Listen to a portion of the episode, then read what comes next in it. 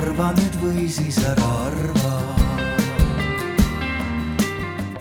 ja tere päevast. juba nädalapäevad on elu Eestimaal selline, et veetemperatuurid on ööpäeval enamuses soojemad kui õhk ja füüsikast aru saavad inimesed teavad, et pikalt see võimalik olla ei saa. homme on aga rukkimaarjapäev. vanarahvas teadis, et sel päeval peab vili saama külvatud, mitte lõigatud ja sageli oli see siis rukki külvi lõpuaeg.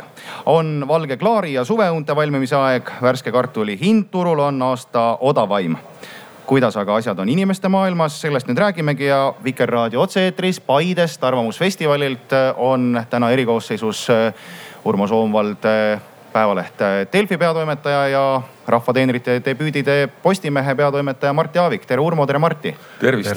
ja mina olen Mirko Ojakivi äh, Vikerraadiost.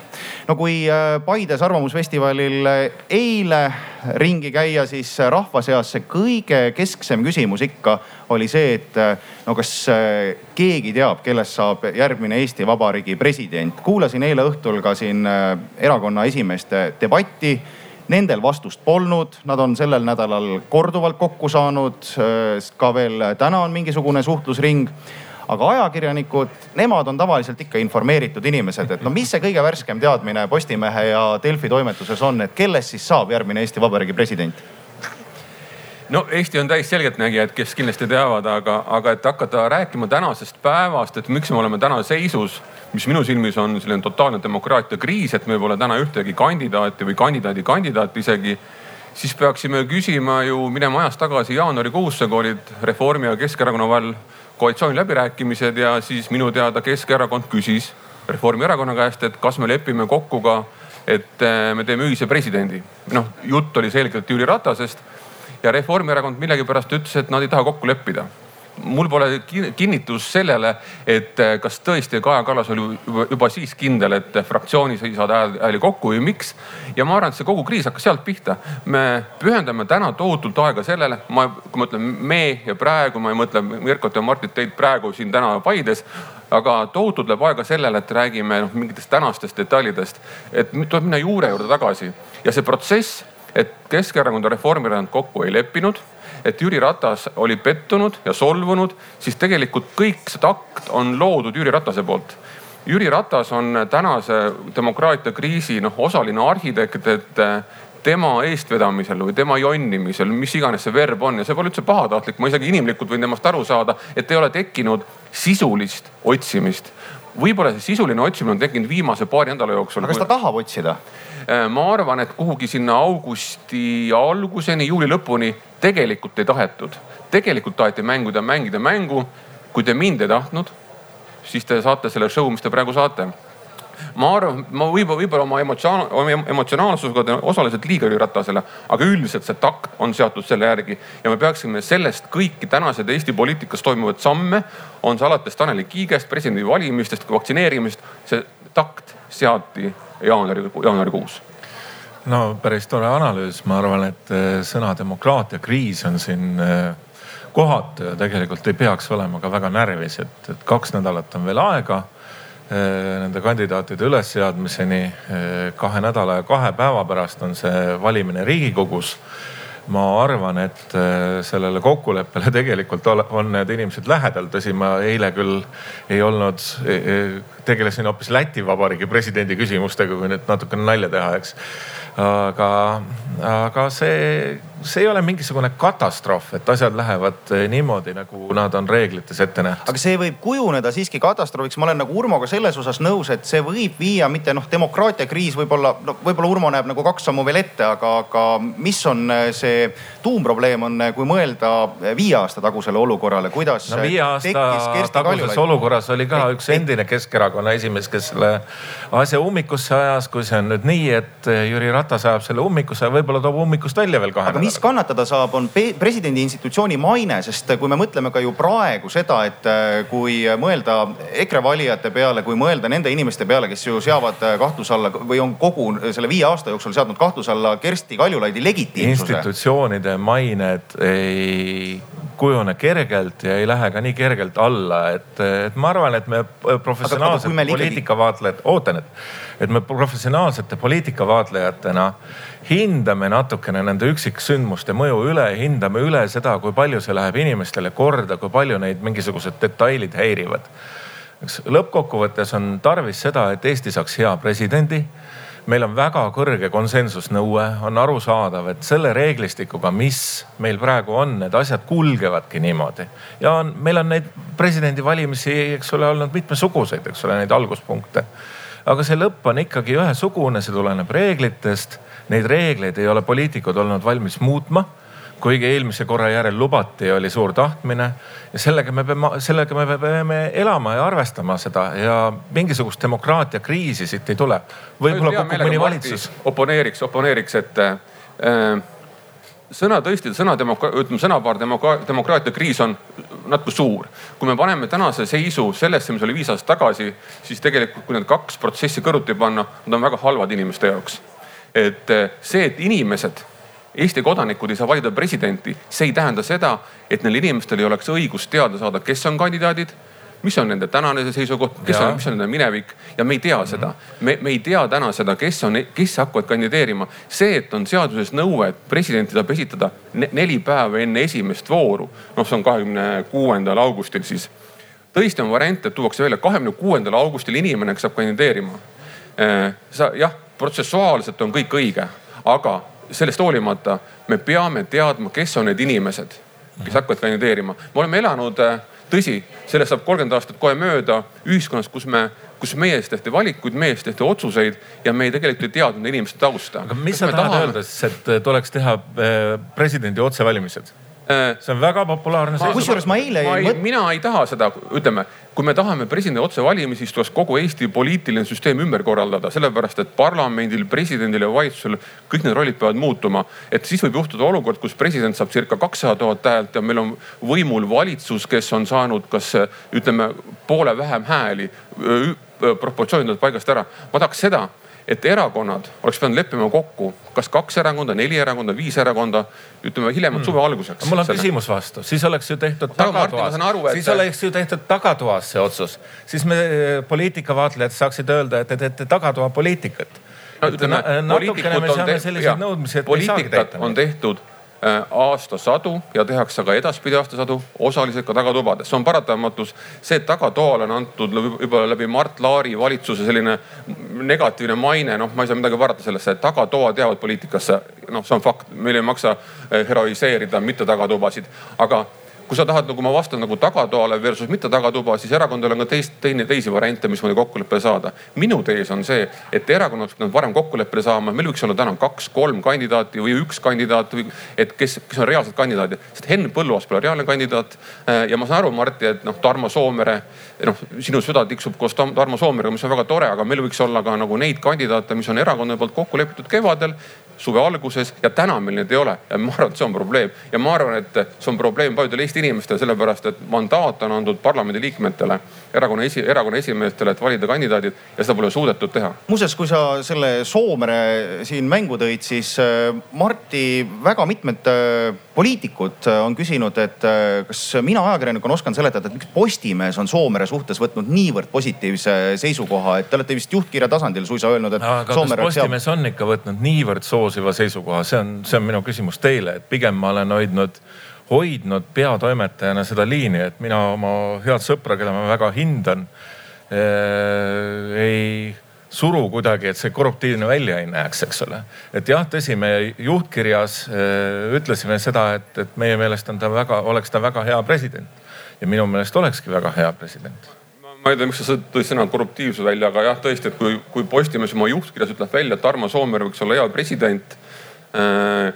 Enne kui ta veel on kandidaat ja enne kui ei ole teada, kes on teised kandidaadid üldse, siis äh, see on ju teie õigus ja teie valik, aga te olete ennast positsioneerinud Tarmo Soomere taha no ja, äh, aga ma tuleks veel selle legitiimsuse juurde, sest kui me ühel hetkel ikkagi avastame, et taaskord äh, tekib see häda, kus äh, jääb mulje, et justkui mingisugune kübarast välja tõmmatud tagatubade president, siis lõpuks poliitikud ju lepivad kokku, ega Eesti presidendita ei jää, et on siis esimene riigikogu voor, on see teine või kolmas voor, on see valijameeste kogu esimene või teine voor ja siis riigikogus tagasi ja see mäng saaks kesta ju lõputult.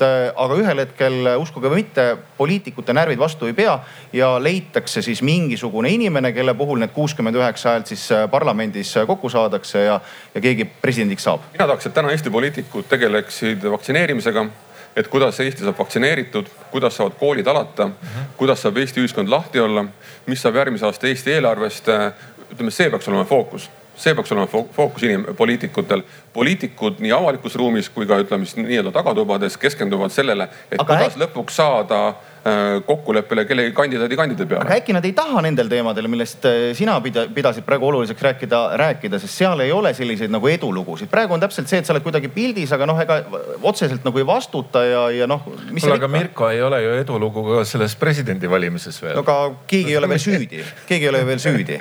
sest kõige olulisem on ju see, et kui me hakkame vaktsineerimisest rääkima, siis seal ju noh, ka Päevaleht äh, viis läbi uuringu, kus oli ju näha, keda Eesti rahvas süüdlaseks peab. reeglid teevad selle, millist mängu mängiti räägitakse, et eh, korvpallireeglid teevad korvpalli ja jalgpallireeglid teevad jalgpalli.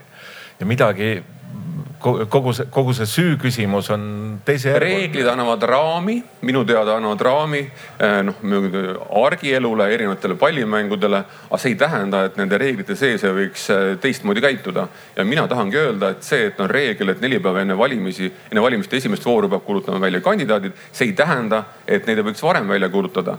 et eh, see on elementaarne ja noh, ma vastan ka Mirkole, et äh, ma, ma arvan, et Eesti ajakirjandus on teinud väga head tööd vaktsineerimise kajastamisel ja noh eilegi oli juttu sama, samas, samas stuudios siin, et kas on kaos või mitte kaos.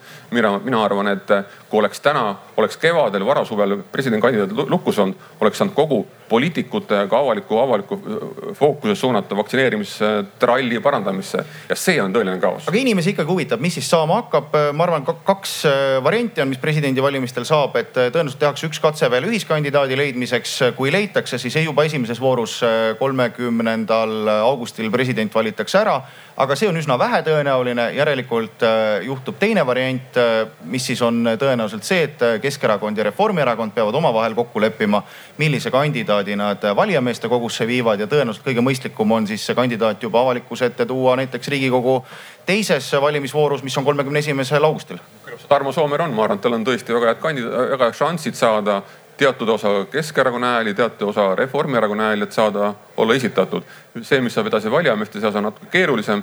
see sõltub ka Reformierakonna esimehe positsioonist, julgusest kaitsta oma kunagist äh, nii-öelda presidendi lemmikut Kersti Kaljulaidu. ma, ma arvan, et me näeme, see dünaamika on seotud omavahel presidendikandidaat äh,, kandidaatide esitamine ja kuni valitsuse tänase püsimiseni välja. no nädal algas ju selle uudisega, et Jüri Luige puhul siis ikkagi oodati veel seda viimast äh, jah-sõna, seda ei tulnud. Jüri Luik oli ka eile siin Paides Arvamusfestivalil äh, mitmed inimesed ikkagi läksid, võtsid nööbist kinni ja küsisid, et miks sa Jüri ei kandideeri ja siis äh, Jüri Luige selline automaatne, väga hea diplomaadi vastus oli see, et mitu häält sul taga on?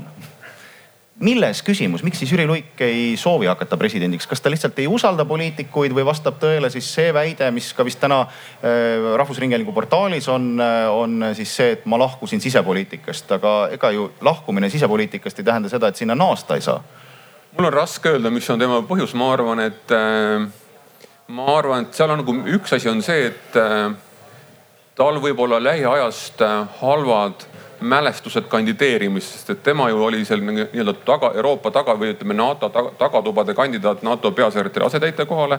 ta ei saanud kahjuks seda kohta ja ma arvan, et sellise tundliku inimesena ta ei tahaks seda avalikku tralli kaasa teha, see on mu oletus ja, ja, ja ma nagu siiski mina oskan hinnata tema põhimõttekindlust, kui ta on korra öelnud, et ta ei taha kandideerida, ta ei taha olla esitatud, siis ta nagu hoiab lõpuni kinni sellest ja ma arvan, et me läbi selle hoiame ja säilitame erakordse hea diplomaadi ja ma arvan, et me huvid on NATO juures väga hästi kaitstud. ma vaataks pigem niipidi seda.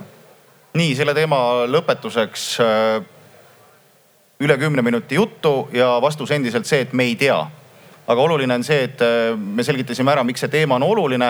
ja kui me nüüd asume ka järgmise teema juurde, siis äh, tegelikult ega sellest protsessist, mis praegu presidendivalimiste ümber toimub, sõltub väga palju ka Eesti sisepoliitikas, sest kui ühel hetkel äh, kahe koalitsioonierakonna liidri suusad lähevad lõplikult risti ja kepid segavad ka sõitmist, siis see kukkumine ja õnnetus ja valitsuse lagunemine võib olla ikkagi tõenäoline või noh, selline ütleme siis prognoosimatu tööõnnetus. viis aastat, viis aastat tagasi oli, kaks tuhat kuusteist mais oli peaminister Taavi Rõivas ja oli tal kohtumine erinevate peatoimetajatega ja seal peatoimetajad küsisid Rõivase käest, et teil on Teil sel hetkel oli kandidaatideks presidendi kandivalimistel Siim Kallas, Marina Kaljurand ja, ja Urmas Paet ja peatoimetajad küsisid, et härra Rõivas, et millal te teete oma valiku ja otsuse. ta oli erakordselt enesekindel, erakordselt enesekindel, küll me teeme selle otsuse, küll me teeme õigel ajal, kõik selle hästi. ja tulemus oli see, et ei saanud ükski nende kandidaatidest ja lõpuks ka Reformierakond lõpetas varumeeste pingil, ta kukkus välja valitsusest. et selline liigine enesekindlus äh, on kindlasti saab, maksab kätte ka nüüd, ükskõik kelle, millisele osapoolele. aga ma arvan, et see kindlasti see valimiste protsess juba on muutnud tänase valitsuse dünaamikat äh, ja muuhulgas ka seda, et miks Tanel Kiik ilmtingimata ilmtingimata hoitakse ministrina ja miks ei tehta vangerdusi? Martti, tuleb siis tüli või ei tule? no muidugi tuleb tüli, kui, kui, kui jõujooned muutuvad ja huvid, huvid muutuvad, aga ma arvan, et sellesse ei peaks nii traagiliselt suhtuma, et äh, esiteks on ju, meil on ju õige mitu varianti selles parlamendi matemaatikas et ei ole sugugi niimoodi, et on näiteks äh, ainult selle eelmise Jüri Ratase koalitsiooni tagasitulek võimalik, on ikka rohkem, eks ole, et et ärme nüüd nii kartlikud ole.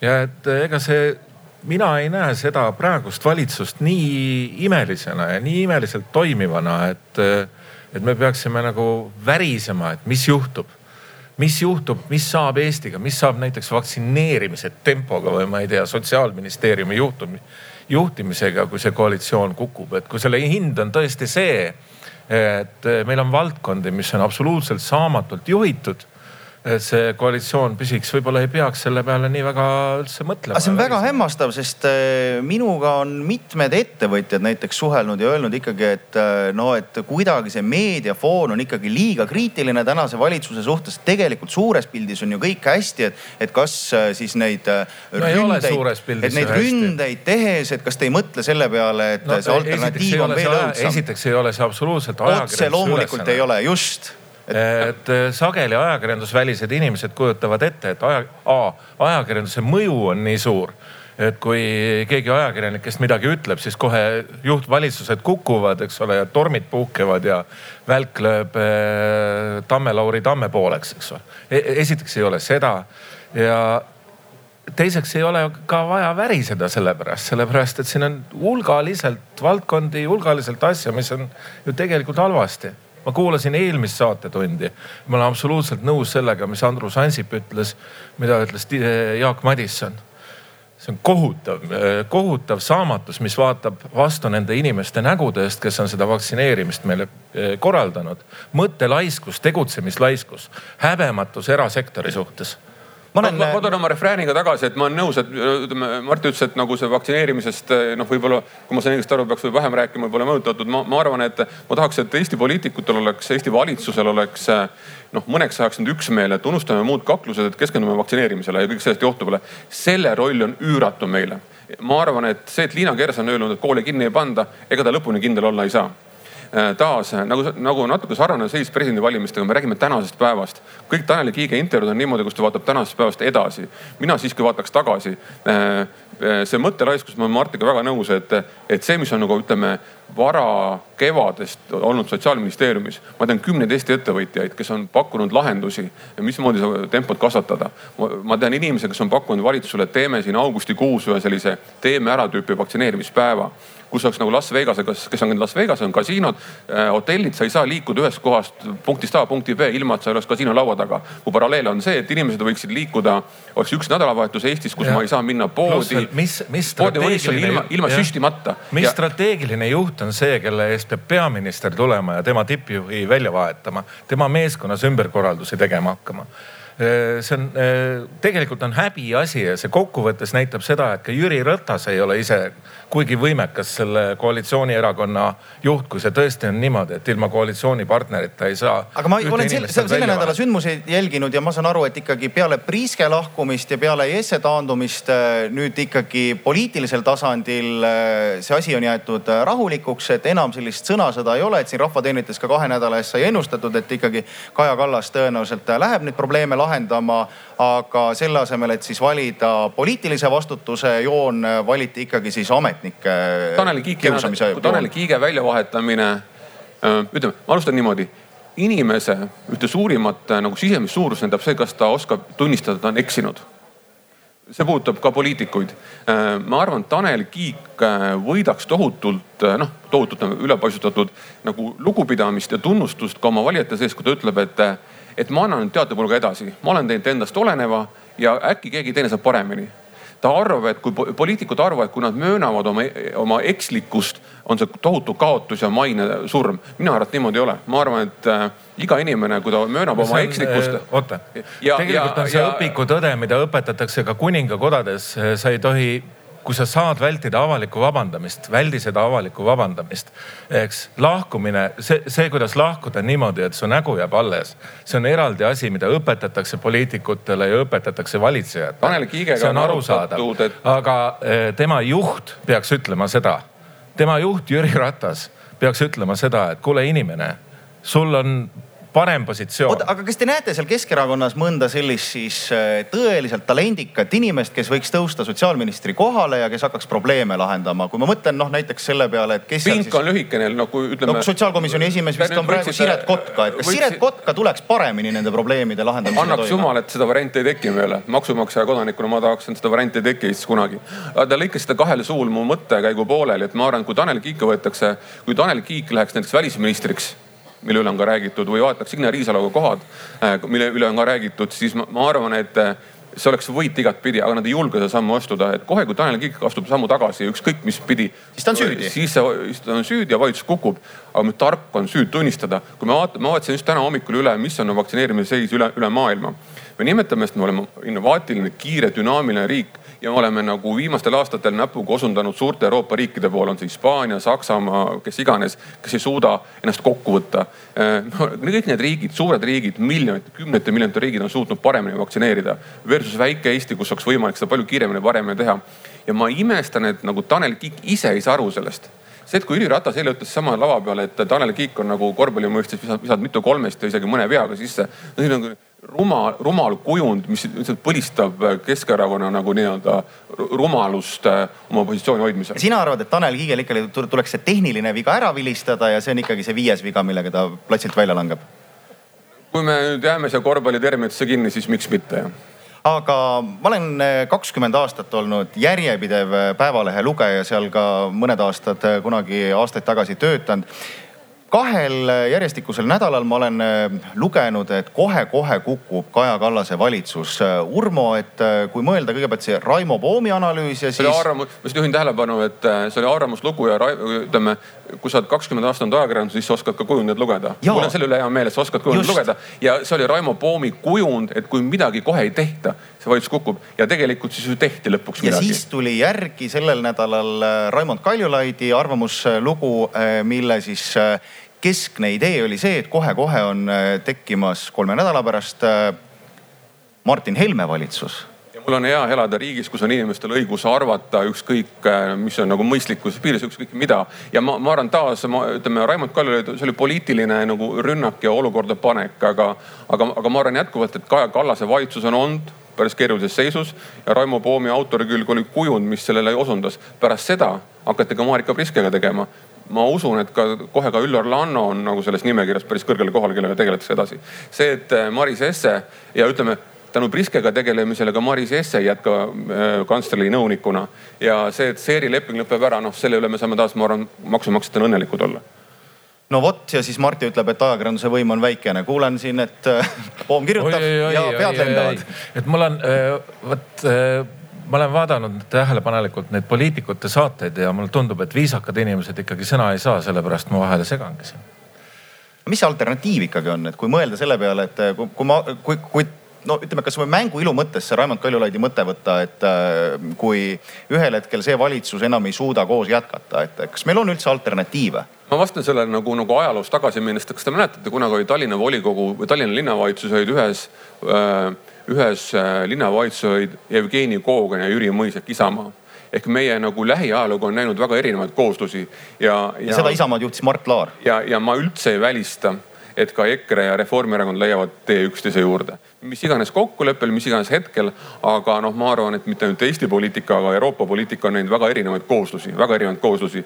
nii et ma, ma üldse ei välista seda ja sõnade söömine, noh, see on tõesti, et Postimees, Päevaleht, Delfi ja ERR kirjutavad kolm päeva kunagiseid tsitaate, mida nad üksteise aadressil öelnud ja lähevad ja see uusvõimuliit läheb edasi. ma ei ütle, et see nii kohe juhtub, aga, aga noh, mul puudub igasugune selline nagu selline nagu idealism erinevate valitsuste mittetekkimise suhtes? Ehk siis selles valitsuses praegu sõprust ja armastust ei ole, tervisekriisi teemasid vaadates siis ikkagi vaadatakse kahtlustavalt üksteise otsa, et see aeg on läbi saanud, kus saab öelda, et midagi jättis EKRE tegemata, et nüüd on ikkagi see äh, vastutuse pall on kas Tanel Kiige või Kaja Kallase käes ja süü ei saa Eestis ripakile jääda.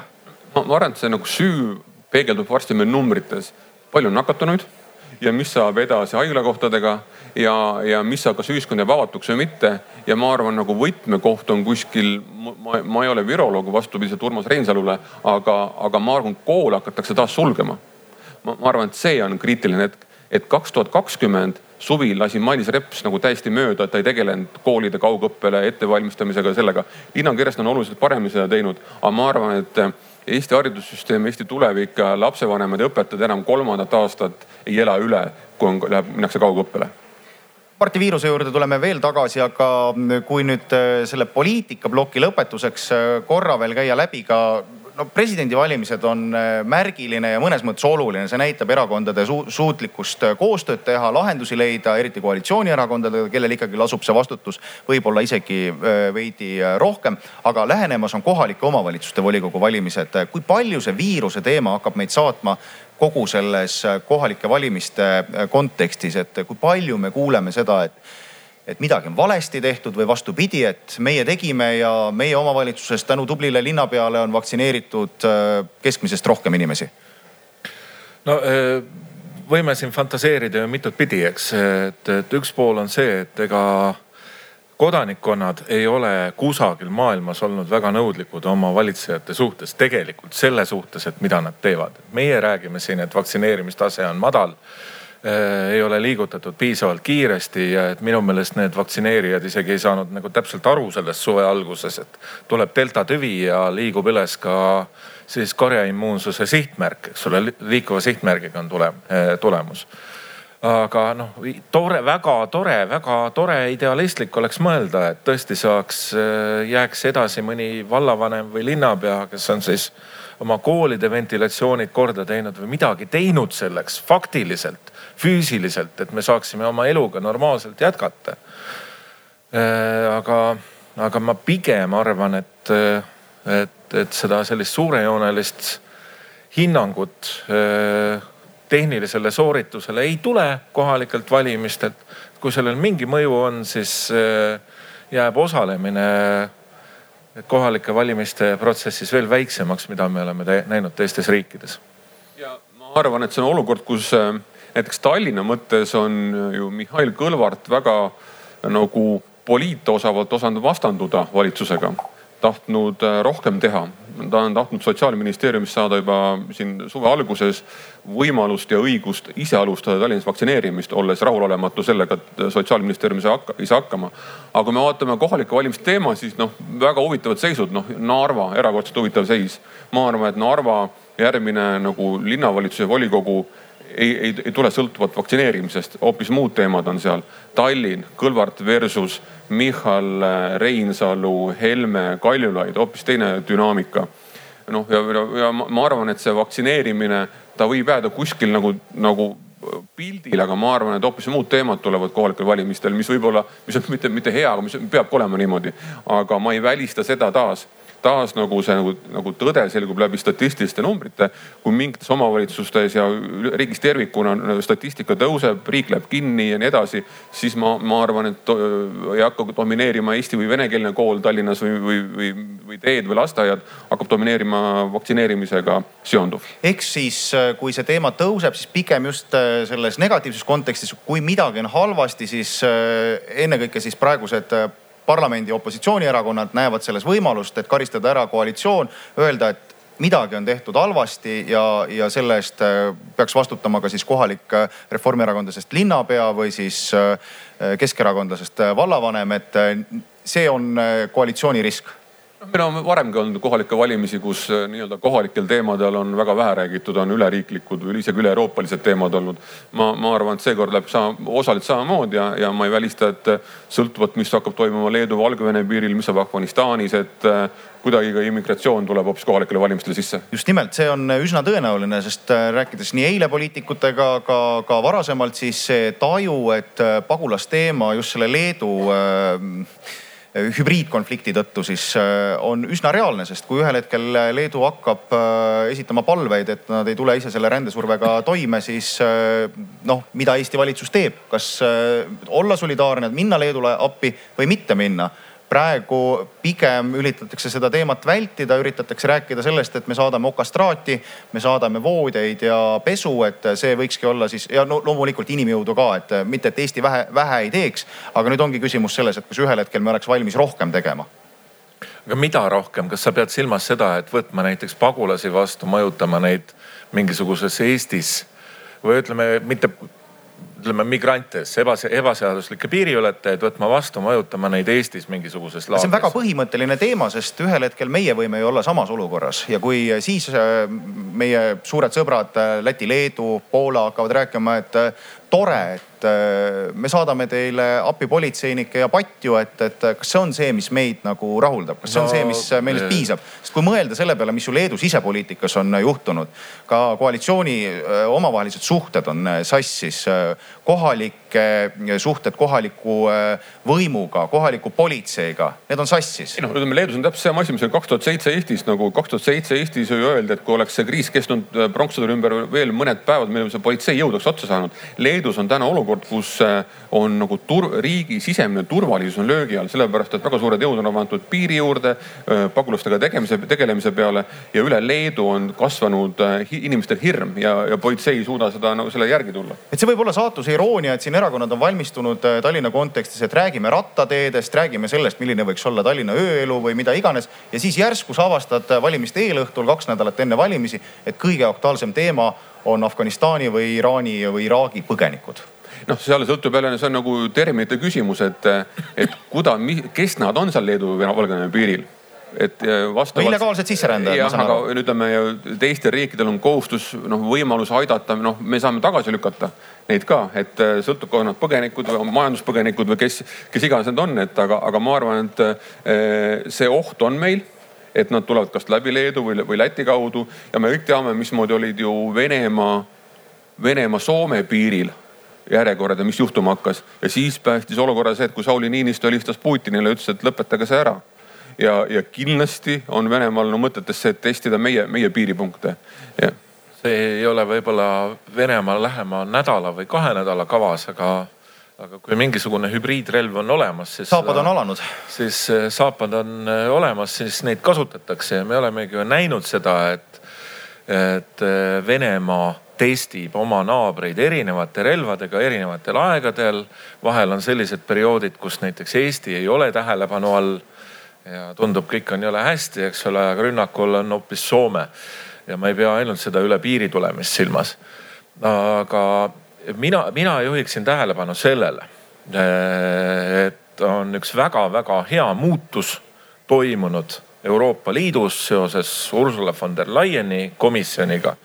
ja me nägime seda nüüd siin Leedu eh, migratsioonikriisi alguses ka, kus eh, esiteks komisjon tuli vähemalt kohale, tuli appi ja ka need sõnastused on selged, ei räägita mingisugust äh, niisugust nutust lugu sellest, et kuidas Leedu peaks võib-olla veel paremini käituma nende ebaseaduslike piiriületajatega, vaid hinnang on selge.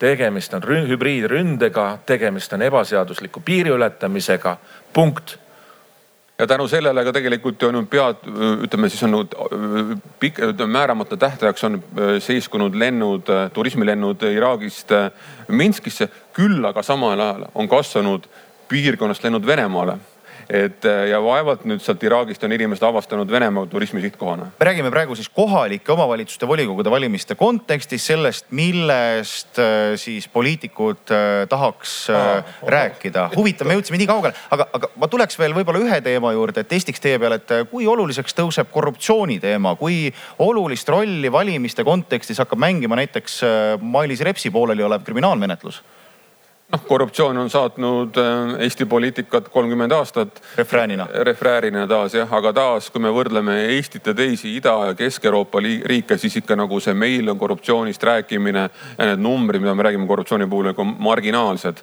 võrreldes Ida- ja Kesk-Euroopa äh, riikidega. aga kindlasti tuleb jutuks, kindlasti noh, on, saab näha, et mis siis äh, Repsi asjus selgub, mis, mida talle ette heidetakse. no samamoodi Tallinn noh, kui me vaatame, mismoodi on Kaljula, ütleme sotsid, Reformierakond ja tõenäoliselt ka EKRE ja kindlasti Isamaa, mis refrääniga nemad tulevad kõik Kõlvarti vastu, siis on see noh plats puhtaks ja korruptsioon. et ma, ma arvan, et see kindlasti saab olema väga-väga suur mõjutaja ja sama, samamoodi Narvas ma arvan, et see võitlus, mida Katri Raik läheb seal võitlema mitmel rindel, noh kindlasti on üks korruptsioon. On üks märksõna korruptsioon. Katri Raigil viimane tööpäev linnapeana peaks olema vist eeloleval esmaspäeval. no ütleme vist jah, esmaspäeval äh, vist on tal see päev, kui umbusaldust esitatakse, aga noh, ju ta veel natuke töötab, kui uus linnavalitsus kokku pannakse. tänase seisuga näib see nii olevat. nii omavalitsuste valimisteni natuke rohkem kui kaks kuud, eks me selle kahe kuu jooksul saame siis näha, mis elu poliitikud meile peale suruvad ja tegelikult vastupidi, mille meedia kehtestab, sest lõppkokkuvõttes eks see on selline ikkagi tandemratas, kus tuleb äh, ikkagi kahekesi äh, sõita ja lõppkokkuvõttes ka valijate äh, vastuvõtlikkus ja, ja, ja soovid tuleb arvesse võtta, aga me oleme siin tervisekriisi teemadel nagu läbivalt kogu aeg rääkinud, nagu siin oli see kujund, et Eesti poliitika refrään on korruptsioon, siis meie tänase saate refrään kogu aeg on tervisekriis ja tervisekriis. et kui nüüd mõelda lõppeva nädala Äh, sündmustele, siis äh, kaks sellist äh, huvitavat suunamuutust, et siin mikrotasandi või noh, väikeettevõtted tunnevad siin muret selle halduskoormuse üle, et siin tuleb igasuguseid pabereid jälle täita, riskianalüüsi teha, kulutada selle peale raha ja lõppkokkuvõttes sellest ei pruugi mingit kasu olla. ja siis see teine suunamuutus on, no te olete mõlemad ikkagi Eesti mõistes tippjuhid, juhite suuri toimetusi, et Kaja Kallase loogika on siis see, et panna tulevikus rohkem vastutust äh, ettevõtetele, sektoritele, et äh, nad ise lepiks kokku mingisuguseid piiranguid, et noh, näiteks kinod lepiks kokku omavahel, neid küll Eestis väga palju ei ole. Ähm, et äh, kuidas siis kinno saab, et kas saab midagi rohkem teha, et see oleks ohutum, et kas te nagu juhtidena kiidate sellise lähenemise heaks, et anda rohkem siis allapoole seda vastutust ja vabadust ja mis juhtub siis, kui kokku ei lepita milles, oota täpsustav küsimus, milles ei lepita kokku? mida sa mõtled? no ma mõtlen seda, et äh, kuidagi suures pildis võiks ju need äh, piirangud või mingisugused enesepiiramismeetmed äh, sobida ju pilti, et noh, kui mõelda selle peale, et meil on näiteks kaupmeeste liit. kõik äh. kauplused ei kuulu kaupmeeste liitu, et kui nüüd siis suured ketid, Maxima, Selver, Rimi lepivad kokku nagu, et näiteks meie poodidesse saab ainult maskides ja siis äh, noh, näiteks Kaupmeeste Liitu mittekuuluv pood ütleb, et aga meie müügiargument ongi see, et meie poeketti saab äh, tulla ilma maskita. Et kuidas siis käituda nendel puhkudel, keegi saab justkui nagu põhimõttelise mingisuguse kas konkurentsieelise või pahameele, eks see ole selline ettevõtja enda riski küsimus. aga siis on ju ka see, et kui näiteks etendusasutuste liit sealjuures ütleb, et meie ei pane mitte ühtegi piirangut, et lõpuks ju kannatavad kõik noh, ütleme antud, ütleme, käsitleme praegune Eesti nagu sõjaaeg. noh, noh, te saate aru, mida, mida ma mõistan, mõtlen ja kui anda nüüd, kujutage ette sõja ajal, noh klassikalisema sõja ajal anta, anta, antakse otsustamise ja nagu vabadus kõigile laiali ilma ilma täpsemate mängu, ütleme piiranguteta, noh leppige midagi kokku, tehke midagi, noh vaadake, et oleks kõik korras. ma arvan, et see on nagu kiirtee kaosesse kindlasti peaks olema kuskil nagu valitsuses erinevate erialaliitude kokkulepped lähemal. ja ma tean, et samad probleemid on näiteks Soomes. noh, Soomes just eile olid nagu Soome lehtedes suured lood, mismoodi ürituste korraldajad on omadega hädas. Nad ei tea, mida teha, et äh, kõik muutub ja mis, mis avaldab mõju, tohutut mõju majandusele. see on Soomes väga suur majandusharu, sajad, sajad miljonid. et ma, ma arvan küll, et nagu riik võiks antud hetkel rohkem ise otsustada ise nagu anda suuni, suuni ette ja mina kuulun sellesse parteisse, kus tasuks eelistada neid inimesi, kes on vaktsineeritud ja anda neile suuremaid võimalusi, soodustada neid asutusi, kus on asutuste ava, ava, lahti olemist ja kus saavad vaktsineeritud inimesed rohkem. et muidu on see kõik need circa kuussada tuhat kopikatega inimest on nagu justkui osaliselt ilma asjata pingutanud saada vaktsi-, vaktsineerituks. et mina näen suurt keerukust läbi selle, et kõik erialaliidud, kinod, kaubanduskeskused, spordisaalid, jõusaalid, teatrid hakkavad oma ise otsustama. noh, noh me alustasime saadet mängureeglitest ja Mart ütles, et mängureeglid presidendivalimistel on selged. neli päeva enne esimest vooru peavad olema kandidaat selged. mängureeglid, valitsus pole praegu mängureeglid andnud, valitsus on öelnud, leppige omavahel kokku ja minu arust on seda vähe ma arvan, avalikus ruumis käitumises on ikkagi valitsuse takt on see, mis, mis loeks. ja kui sa räägid tõesti kaubanduskeskustest, poodidest ja nii edasi, siis see on see koht. aga ma arvan, et tööandjad ja mina ju ka juhatuse liikmena kahtlemata tööandjate hulka nüüd kuulun mitmele, mitmele, mitmele sajale inimesele.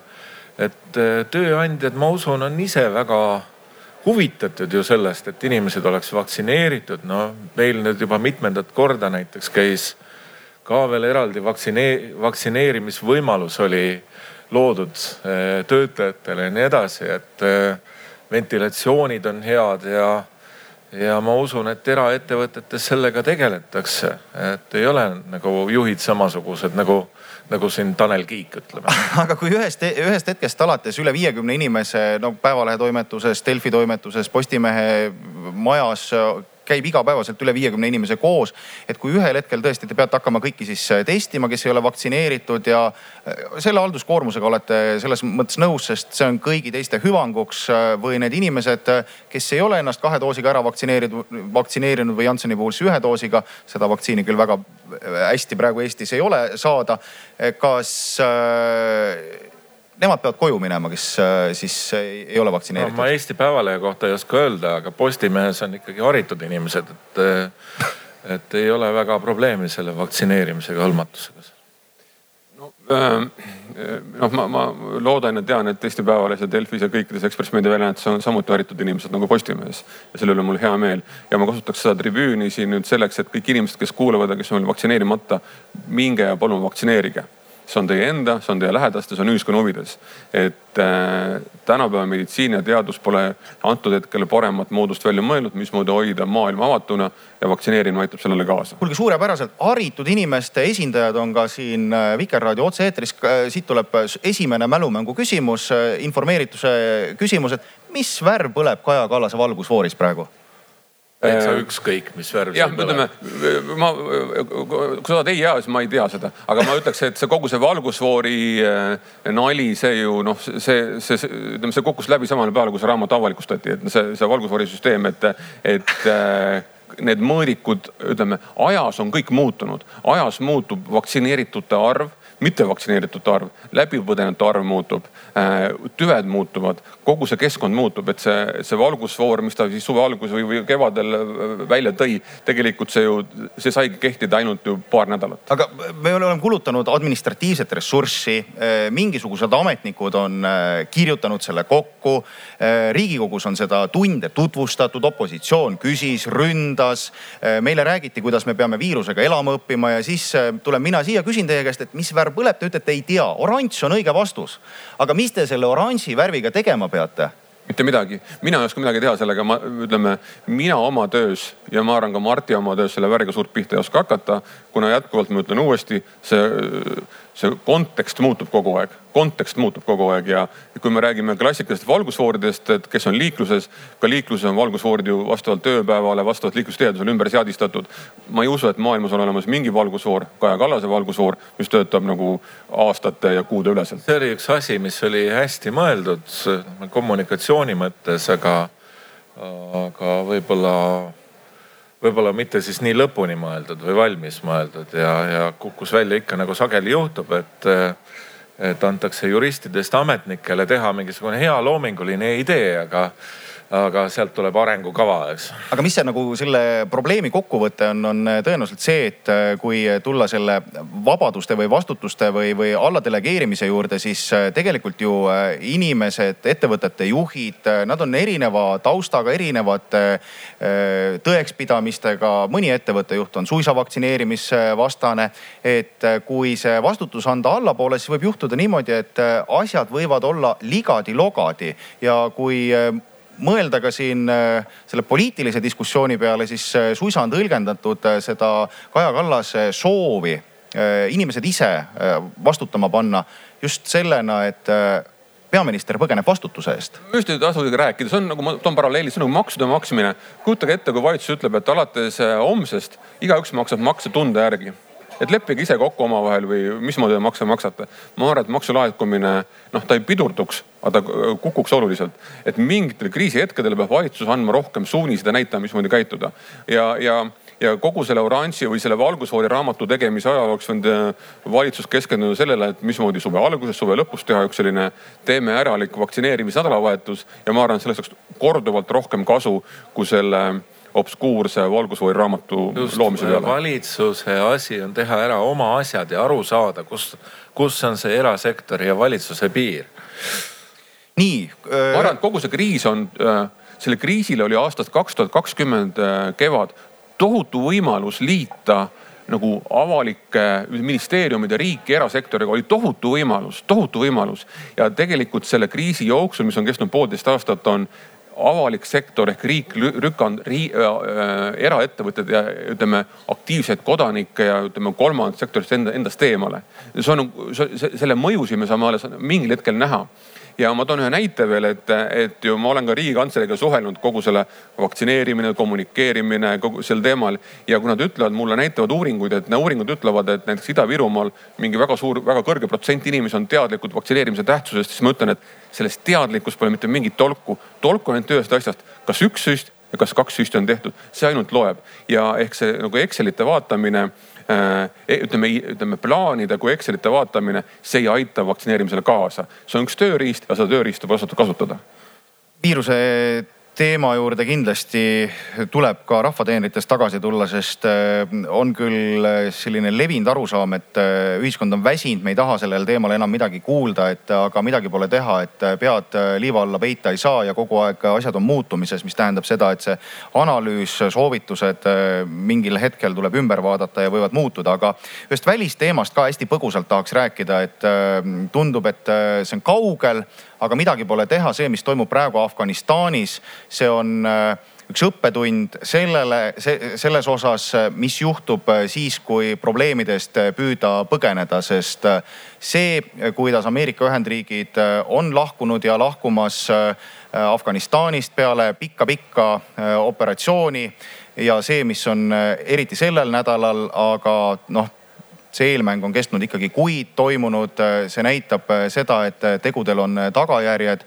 ja miks on Afganistan meie jaoks oluline, võib-olla ma ei tea, keegi selgitab kuulajale ära, et, et, et küll, kuigi nagu sinna on nagu väga pikk tee ja justkui nagu see meid ei võiks puudutada. aga miks see on oluline? Sealne ebastabiilsus ju tegelikult ju annab äh, täiendava tõuke pagulaskriisiks ja, ja, ja need, need inimesed, pagulased jõuavad kuhugi ka meie lähestikku kindlasti välja. ja noh, mis on nagu see kogu selle asja anakronism on see, et kui Ameerika Ühendriigid meelitasid ju väga suure osa, arvestatud osa maailmas sinna, mis iganes Talibani vastu võitlema, demokraatiat viima, mida iganes. siis täna on seis, kus äh, britid on viinud äh, kuussada eriväelast ameeriklased kolm tuhat eriväelast oma inimesi ära tooma ja päästma. ja, ja Kabul peab vastu umbes kolmkümmend päeva ja, ja siis on Kabul on nüüd Kandahar ja Harat läksid ka ära ja Kabul ainsa linnana praegu veel püsib ja siis, siis, siis me hakkame nägema alles kõike seda, mille peale me ei pruugi tulla, mis seal juhtuma hakkab. ja sellel Euroopal on kohutavalt suur mõõde sellel. miks see on oluline? tegelikult läbi selle varsti kahekümne aasta, mis Afganistanis nüüd on oldud, on toodud erinevaid põhjendusi üks on demokraatia hoidmine, mida sa siin mainisid, no tore. teis-, teiseks väärtused, kolmandaks seesama juba mainitud pagulaskriis. ja islamiterrorism. islamiterrorism, mille koduks, mille pärast sinna ju õigupoolest mindigi, sellepärast seal oli Al-Qaeda ja tuletagem meelde, et kui USA-d mainitakse, siis ikkagi USA oli see, kes sattus Al-Qaeda rünnaku alla ja Al-Qaeda pesa oli seal Afganistanis, sellepärast sinna mindi ja viimaks on tegemist, kui see satub uuesti Talibani kontrolli alla, siis on see opiaatide lähtekoht suurem kui Äh, kui ta praegu on, eks. seda niikuinii määrab Euroopas on jah. niikuinii on, eks ole, aga, aga tegemist on väga mitmekülgse probleemiga. ja lõpuks ega see väljatulemine on ju olnud ka USA valimistel, meie kõige olulisema sõjalise liitlase valimistel teemaks vähemalt aastast kaks tuhat kaheksa, eks ja kogu aeg on lubatud, et tullakse välja ja siis on leitud mingisugune põhjus, miks seal edasi olla ja see põhjus ongi laias laastus see, et, et kui välja tulla, siis saabub kaotus. Taliban võtab selle riigi uuesti üle. ja sellele hind on kakssada nelikümmend tuhat inimest on viimast, kogu selle viimase missiooni ajal on surnud kakssada nelikümmend tuhat inimest, kellest kaheksakümmend tuhat on tsiviil, tsiviilid. ja ma arvan, tegelikult numbrid on suuremad, et ma ei ole lõpuni kindel, kui adekvaatne statistika sealt tuleb. see on nihuke nokk kinni, saba lahti olukord halb on mõlemat pidi, halb on sinna edasi jääda ja halb on välja tulla. jah, Euroopa liitlased olid valmis sinna vähemasti mingisuguse missiooni kujul jääma, kasvõi õhuturbemissioon, aga ameeriklased tõesti sisepoliitilistel põhjustel siis otsustasid teha selle valiku ja need tagajärjed saavad olema üsna kurvad ja et kui kiiresti olukord muutub, noh, ma meenutaks vist ainult kolm kuud tagasi meie president Kersti Kaljulaid külastas Afganistani tõsi, see keskne eesmärk oli seal siis äh, lahkuvatele Eesti äh, sõduritele nii-öelda toetust avaldada, aga, aga noh, asi läks ikkagi väga kiiresti hapuks, nagu äikesepilv oleks üle selle piimamannergu käinud ja, ja kindlasti praeguses poliitilises olukorras noh, kus siin nagu need Afganistani naabrid ja, ja püüavad hakata nagu nüüd kas ennast kaitsma või olukorda ära kasutama. ma arvan, et äh, Lääne-Euroopale ja kindlasti ka miskit pidi Venemaa huvides on kindlasti selline, sealne ebastabiilsus kasuks. ja, ja ma ei kujuta ühtegi argumenti ette, et, et lähiajal näiteks Ameerika suudaks uuesti oma partnerit sinna meelitada või, või kasvõi ise minna. poliitiliselt on ennast väga nurka värvinud, et ma, ma arvan, et me elame seal, elame suure püsirohutünni otsas. nii, kolm minutit on tänaste rahvateenrite lõpuni. Äh, nagu ikka Arvamusfestivalil küsin Äh, selles saates viimase küsimusena, et äh, mida sellest Arvamusfestivalist arvata ja kas äh, miski peaks muutuma, et see festival läheks veelgi paremaks, et no Urmo, kas järgmine aasta tuleme taas kokku ja räägime Arvamusfestivalil või? esiteks on Paide astunud Euroopasse või Euroopa jõudnud Paidesse, kui ikka üks Euroopa paremaid jalgpallureid Ragnar Klavan on jõudnud Paidesse jalgpalli mängima, siis ma arvan, et Paide on astunud pika sammu Euroopa poole. Äh, ma lugesin eile Järva Teatajat ja, ja mul oli väga nagu selline soe, sümpaatne vaadata, mismoodi kirjutati, et mismoodi liiklus pannakse kinni, et tuleb suur üritus ja siis vist minu teada on võrkpalliturniir, kuussada tonni liiva toodi Paide keskväljakule. et tegelikult lahe. ma olen seda küsinud äh, Mirko su käest aastaid, et, et mis on nende debattide tulemus. ma ei ole vastust saanud, aga kokkuvõttes on tore, et, äh, et ma vaatan, et Eestis on peaaegu elu, elu avatud, inimesed käivad ja Paides on üks äh, nüüd Ragnar Klavani kõrval veel üks suur asi, väga tore. nii, Martti no väga tore, et kas üheksa aastat tagasi hakati seda tegema, aga minu üks kindel soovitus korraldajatele on see, et, et nad küsivad, ma ei tea, terve aasta jagu ette, et mis teemadest te tahate rääkida, noh. kes see, kes see teab, mis aasta pärast oluline on, me ei tea tihtipeale nädal või päevgi ette seda, mis on nagu päriselt see, millest tuleks rääkida, mis on huvitav ja on raske oodata, et kui sa eh, planeerida arutelusid ette nii pikalt, et siis sealt tuleb midagi säravat, et natukene sellist alguse, sellist head vibe'i, head mõnusat äh, spontaansust oleks siia vaja ma vabandan kõigi ees Arvamusfestivali inimesed, kes on mulle saatnud meile aasta jooksul, küsin teemasid ja kellele ma pole vastanud. vabandust, et ma pole vastanud, aga ma tõesti pole osanud sellele midagi mõistlikku öelda, kuna nagu ma olen Martiga nõus. sa oled nõus, eks? ja ma olen nõus, et jah, kui te küsite järgmine kord kuu aega enne, siis ma vastan mina arvan, et aasta pärast maksab äh, ikkagi siia kokku tulla, seepärast et seda omavahelist äh, suhtlust, eriti just nüüd siin äh, koroona ajal on jäänud vahetus mõttes ikkagi väheseks. kui nende debattide tulemusel kasvõi keegi midagi teada saab või mõne küsimuse, mis tema hinge on närinud, saab ära küsida, siis see on midagi, mis tõenäoliselt elus ikkagi edasi viib, et üksi omaette kodus seal kusagil Facebooki kerides või Youtube'i vaadates tõenäoliselt ikkagi nii palju paremaks ei muutu kui siin Paides ma olen nõus, ma olen nõus. nõus, aga vihma võiks olla vähem jah, et mul ei ole õnnestunud vist viimastel aastatel nii näha sellist arvamusfestivali, kus vihma ei oleks? No mulle meenub kuus aastat tagasi Toomas Sildamäe ja Toomas Matsoniga sedasama erisaadet viisin läbi ja siis oli meil ainult üks raadiokuulaja platsil, Juhan Kivirähk, tervitused selles mõttes sellise sündmuse eest ka Sildamile ja Matsonile siit raadio kaudu.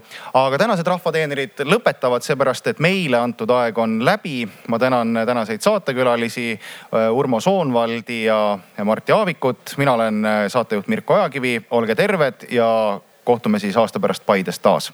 aitäh, kohtumiseni. selge see.